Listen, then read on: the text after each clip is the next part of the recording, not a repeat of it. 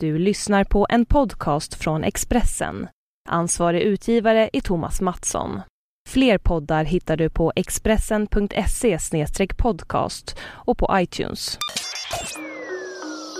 Det här är Expressen Dokument om Lagom tjock, då lever du längre av Per Snapprud som jag, Johan Bengtsson, läser upp. Fetma ökar risken för hjärtinfarkt och flera andra sjukdomar. Men när sjukdomen väl slår till har en rundare patient konstigt nog större chanser att klara livhanken än den som är smal. Sambandet mellan vikt och hälsa är mycket mer invecklat än vad de flesta tror, säger Katerin Flegal, epidemiolog på avdelningen för nationell hälsostatistik vid den amerikanska hälsomyndigheten CDC.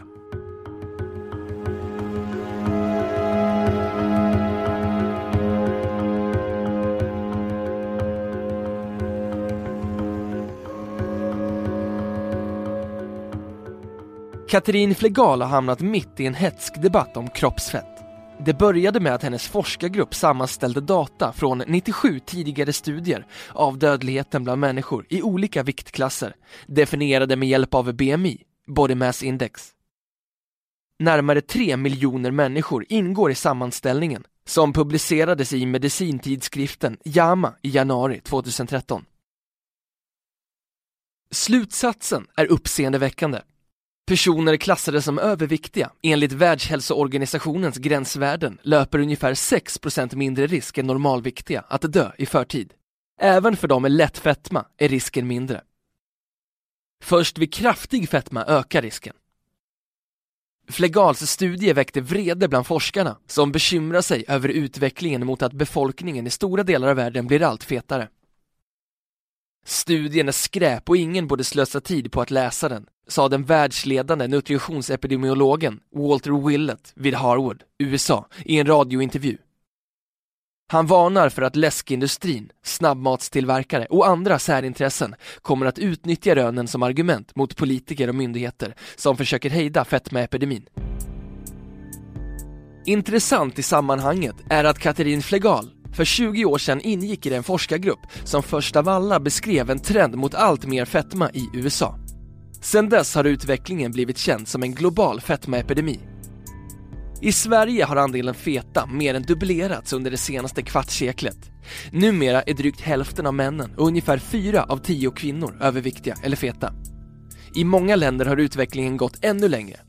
I världen som helhet dör fler av att väga för mycket än att väga för lite, enligt WHO. Alla är överens om att kraftig fetma kan skada hälsan. Självklart är det också farligt att väga allt för lite. Men betyder Katrin Flegals sammanställning att den som vill leva så länge som möjligt bör vara lite småfet? Joep Perk, professor i hälsovetenskap vid Linnéuniversitetet i Kalmar, varnar för den tolkningen. Hans främsta invändning gäller begreppet BMI, dagens viktigaste mått för övervikt och fetma.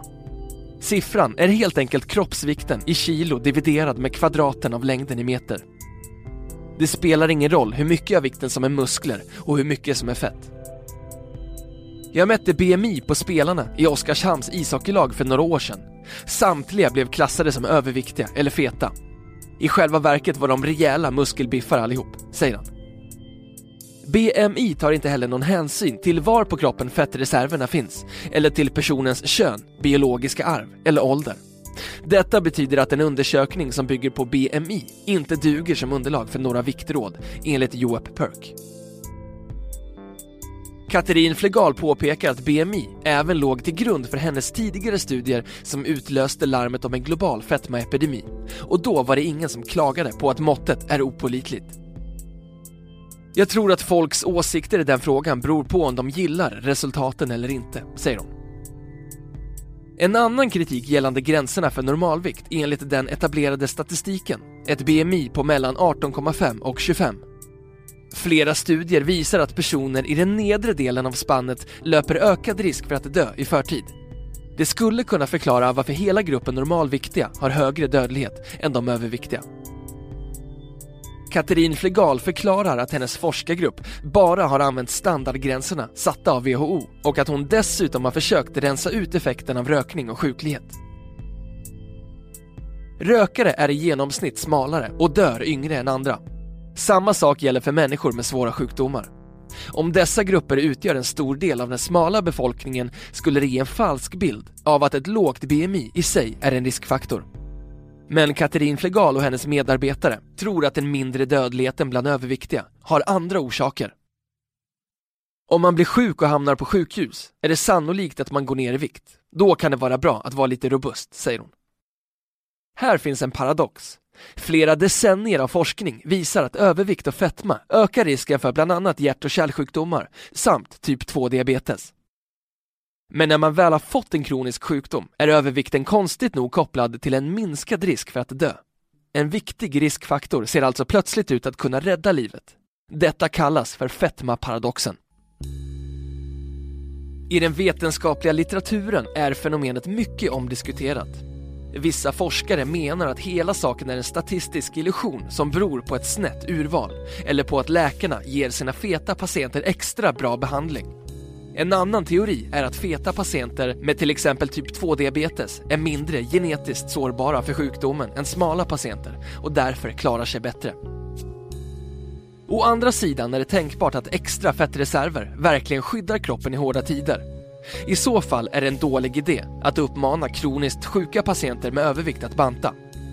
Viktminskning är alltid dåligt för kroniskt sjuka med ett BMI under 40 enligt en ledarartikel i tidningen European Heart Journal förra året. Författarna slår fast att det inte finns en enda studie som tyder på att viktminskning ger kroniskt sjuka ett bättre liv. En sån studie skulle kräva att frivilliga försökspersoner ställer upp i ett experiment där slumpen avgör vem som ska banta. Det är svårt att genomföra. Forskningen om hur vikten hänger samman med dödligheten har sina rötter i försäkringsbranschen. År 1942 publicerade en statistiker på det amerikanska livsförsäkringsbolaget MetLife en tabell med idealvikter. Utgångspunkten var att folk i genomsnitt lever längst om de under resten av livet behåller den vikt de hade vid 25 års ålder. År 1980 kom en första antydan om att normalviktiga kan minska risken för att dö i förtid genom att lägga på hullet.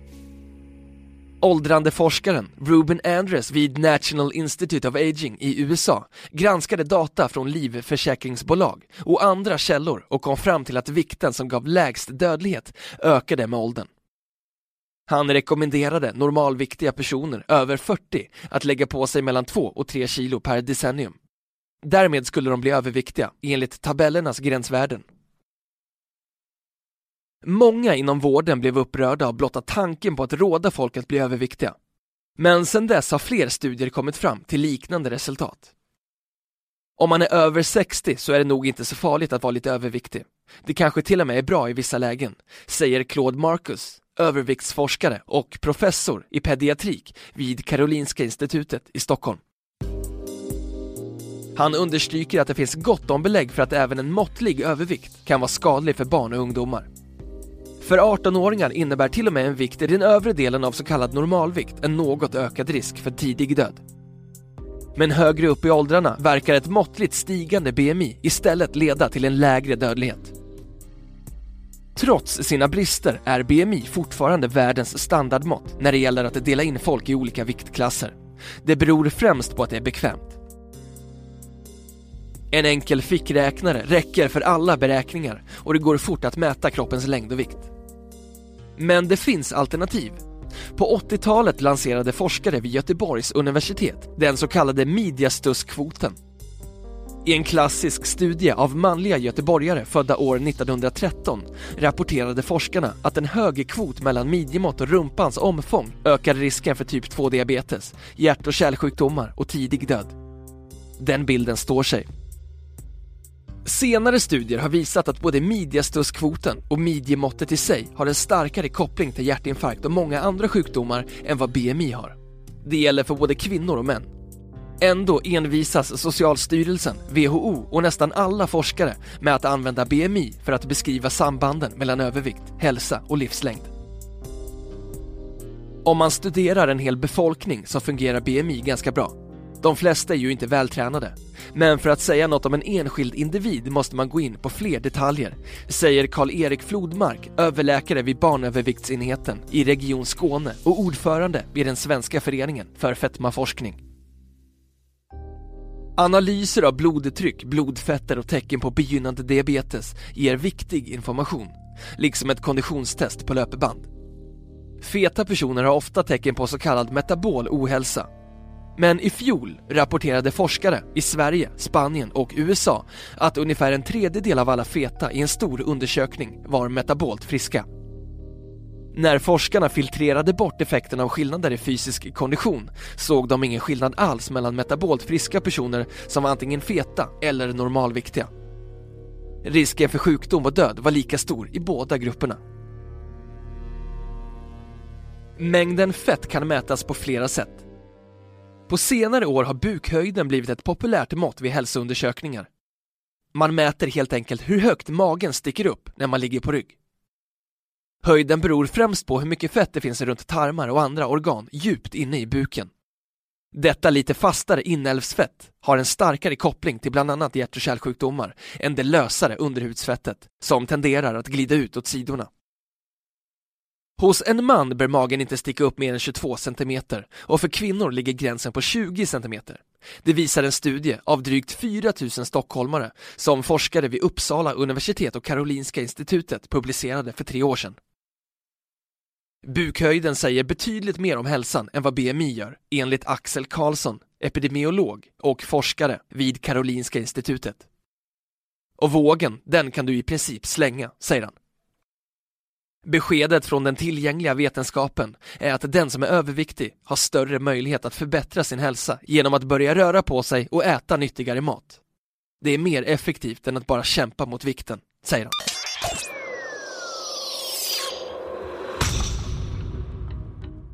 Du har lyssnat på en podcast från Expressen. Ansvarig utgivare är Thomas Mattsson. Fler poddar finns på Expressen.se och på iTunes.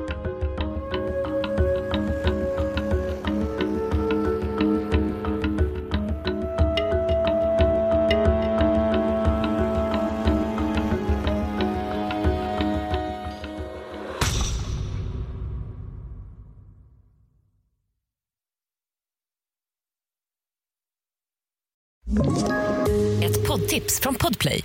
I podden Något Kaiko garanterar östgötarna Brutti och jag, Davva, dig en stor dos skratt. Där följer jag pladask för köttätandet igen. Man är lite som en jävla vampyr. Man har fått lite blodsmak och då måste man ha mer. Udda spaningar, fängslande anekdoter och en och annan arg rant. Jag måste ha mitt kaffe på morgonen för annars är jag ingen trevlig människa. Då är du ingen trevlig människa, punkt. Något Kaiko, hör du på Podplay. Därför är gardinerna.